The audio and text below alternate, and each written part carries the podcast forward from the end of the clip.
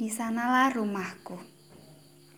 Saat Tuhan Yesus tuntun aku untuk mendengar kabar baik, hatiku bersuka, sangat bersuka.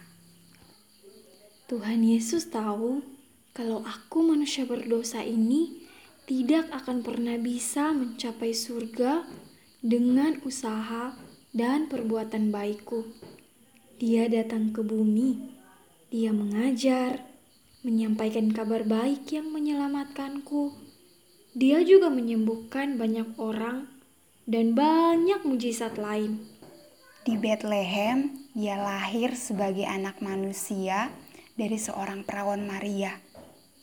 Dia hidup penuh penderitaan, ditolak, dihina, diolok, dicaci, diludahi, sampai disalibkan. Ya, dia rela mati di kayu salib untuk menebus dosaku.